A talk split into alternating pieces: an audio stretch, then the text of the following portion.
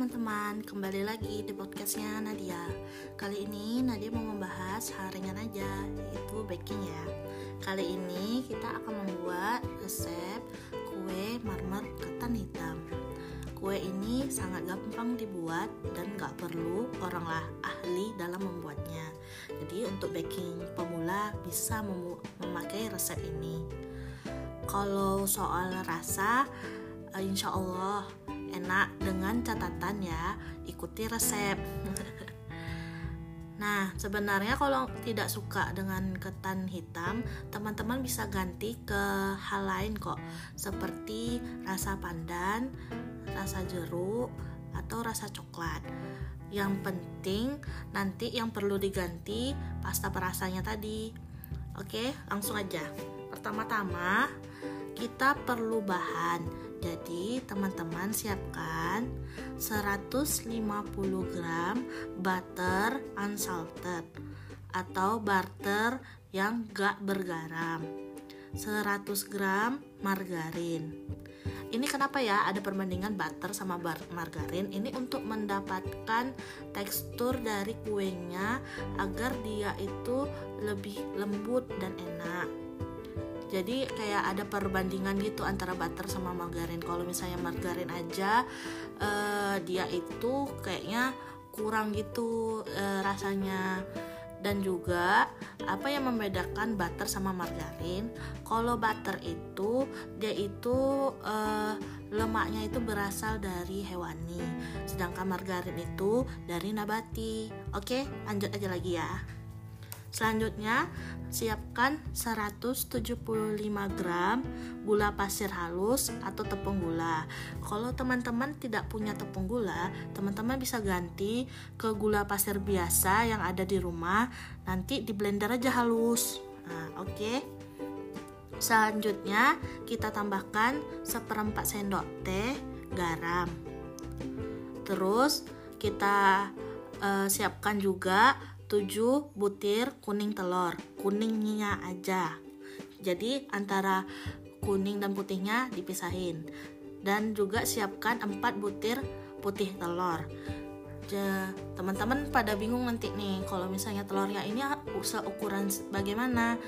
Kalau misalnya teman-teman ragu bisa aja satu butir kuning telur itu beratnya sama dengan 45 gram.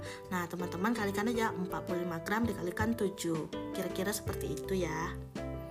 Selanjutnya eh, siapkan 250 gram tepung protein sedang atau kalau biasanya mereknya itu segitiga biru. Nah itu tepung protein sedang.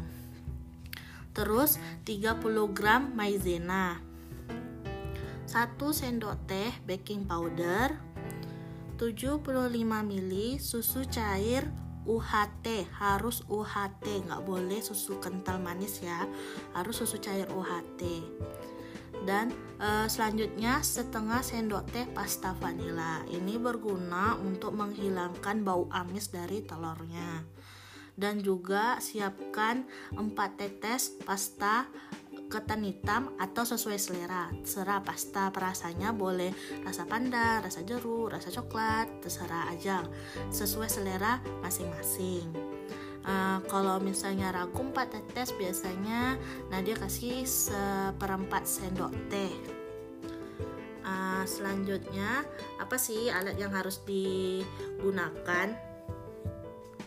Alat yang harus digunakan itu adalah pertama, kalau uh, pemula yang paling diwajibkan adalah timbangan. Timbangannya ini usahakan punya timbangan di kita karena kalau misalnya berbeda uh, gramnya nanti akan mempengaruhi hasil kue kita dan juga rasanya. Selanjutnya, mixing bowl. Mixing bowl ini terserah mau pakainya apa. Pakai plastik nggak apa-apa tapi kekurangan kalau misalnya pakai wadah plastik adalah membersihkannya. Karena nanti kalau misalnya kita pakai kue hmm, kalau membersihkannya itu kayak ada rasa-rasa berminyak. Jadi kalau mau beli bisa pakai uh, stainless steel atau uh, yang paling bagus kaca juga nggak apa-apa selanjutnya alatnya spatula untuk mengaduk-aduk adonan bisa juga. Dan juga kalau bisa ada duit tabungan bisa pakai oven. Kalau misalnya ovennya uh, kalau untuk rumahan sih bisa aja oven tangkring yang pakai di kompor itu. Tapi kita harus yang memperhatikan oven tangkring kan berarti apinya api bawah nih jadi harus diperhatikan itu adalah menjaga suhunya di oven itu. Jadi dipantau terus suhunya. Yang kedua adalah oven listrik. Kalau oven listrik ini kita harus memperhatikan adalah daya rumah kita dia uh, kayak lebih gampang. Kalau misalnya untuk rumahan aja oven listrik paling praktis kalau dilihat. Karena dia cuma membutuhkan listrik dan ada setelan-setelannya. Bisa berbagai macam mereknya bisa api atas api bawah atau bisa juga untuk rosite itu memanggang ayam. Bisa juga uh, yang mem yang membuat beratnya kalau misalnya kita lebih ke industrial rumahan itu adalah biaya listriknya. Karena kita kan berarti otomatis kita akan selalu memakainya kita harus lihat juga di wattnya juga. Jadi kalau misalnya mau pengen buka bisnis rumahan untuk kue ataupun roti disarankan memakai ovennya oven gas Nah, oke. Langsung lagi ke cara membuatnya. Pertama, kita masukkan butter, margarin, gula pasir halus, dan garam. Kita kocok semuanya sampai lembut. Ditandai perubahan warnanya menjadi lebih pucat. Terus, kita tambah uh, sudah kayak ada perubahan warna lebih pucat, kita tambahkan kuning telur, sama putih telur saat, uh, terus satu persatu digantian sama tepungnya. Tepungnya kita jangan masukkan semuanya ya tapi sebagian. Ingat tepungnya dipakai sebagian dulu. Kita kocok sampai rata.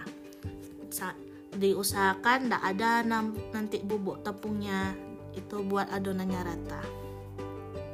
Selanjutnya kita masukkan sisa tepung terigu tadi uh, uh, maizena sama baking powder.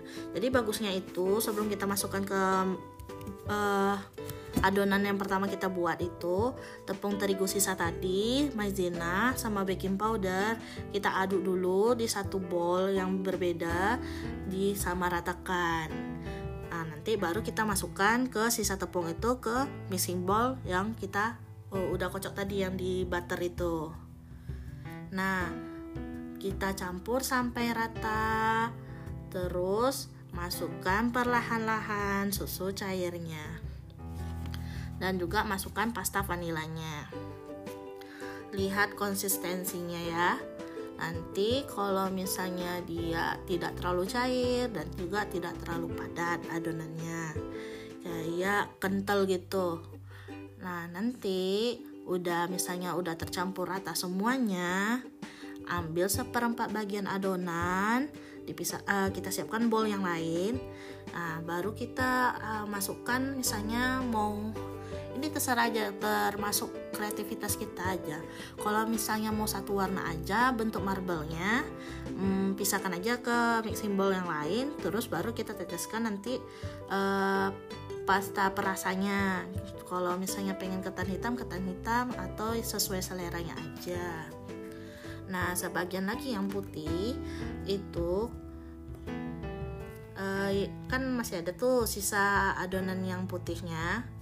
Kita masukkan nanti ke dalam loyang. Loyangnya kita siapkan dulu ya loyangnya itu e, terserah bentuknya kayak mangkok atau berbunga atau kayak tajam-tajam gitu itu ada banyak di toko baking ada yang ngejualnya.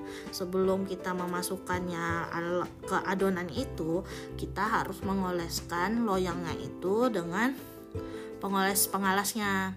Kalau biasanya Nadia beli itu merek Carlo.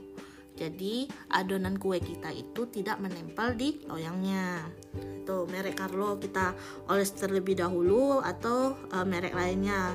Pokoknya nanti kalau misalnya mau beli tanya aja ke tempat tokonya itu adalah pengalas loyang biar enggak loyangnya itu tidak lengket kuenya Nah, kita masukkan kue putihnya dahulu sama kue eh, kue putihnya dahulu kan. Nanti kita secara bergantian ya, yang putih terus sama yang tadi yang pewarna kita kasih. Nah, udah sampai penuh. Nah, baru kita mulai eh, membuat bentuk marmernya itu dengan menggunakan tusuk sate. Nah, kalau misalnya udah rata, oh jangan lupa ya dihentak-hentakkan dulu ke uh, meja dulu untuk mengeluarkan gelembung-gelembung udara yang di dalam kue tersebut. Oke. Selanjutnya ovennya itu ya, kita siapkan dahulu kira-kira dipanaskan dulu 10 menit ya 10 menit dulu di suhu 180 derajat uh, Celcius. Kalau Nadia biasanya pakai oven listrik. Jadi harus kita itu jangan memasukkan kuenya itu ketika ovennya belum panas. Jadi harus memanaskan terlebih dahulu ovennya selama 10 atau 15 menit dengan suhu yang kita mau. Jadi ketika kita memasukkannya misalnya udah 10 menit di suhu 180 derajat, kue kita matang dengan sempurna. Nah, ovennya yang dipakai itu menggunakan posisi uh, setting settingannya itu api bawah, suhunya 180 derajat dan dimasak selama 40 menit. Tandanya aja kita tengok aja ada perubahan warnanya menjadi agak kecoklatan. Oke. Selanjutnya itu kalau misalnya setelah matang jangan langsung diangkat atau diapain itu karena masih lembut. Jadi kita harus tunggu agak dingin terlebih dahulu dia ya kalau udah dingin baru kita uh, pisahkan kuenya menjadi uh, di tempat loyangnya. Nah uh, kue marmer ini resepnya berbeda ya dengan butter cake. Karena putih telurnya itu kita tidak membuat dia mengembang. Jadi tekstur dari kue ketan hitam ini lebih padat dibandingkan dengan butter cake Selamat mencoba ya teman-teman. Semoga percobaan awal kalau misalnya baru dari uh, baking pemula ini langsung berhasil ya. Kalau misalnya ada yang gagal kayak gosong atau rasanya kurang, jangan menyerah ya. Karena menjadi skill misalnya kita baking yang baik itu adalah kita selalu latihan. Kalau mau ada ditanyakan dari resep atau cara-caranya, teman-teman bisa meninggalkan komen ya. Atau ada request mau bahas apa lagi nih di podcast Nadia. Bagi teman-teman yang senang dengan podcast Nadia, Nadia ucapkan terima kasih. Jangan lupa ya, like, share, subscribe di podcastnya Nadia untuk mendapatkan update terbaru di podcast ini. Sampai jumpa lagi di podcast selanjutnya. Dah.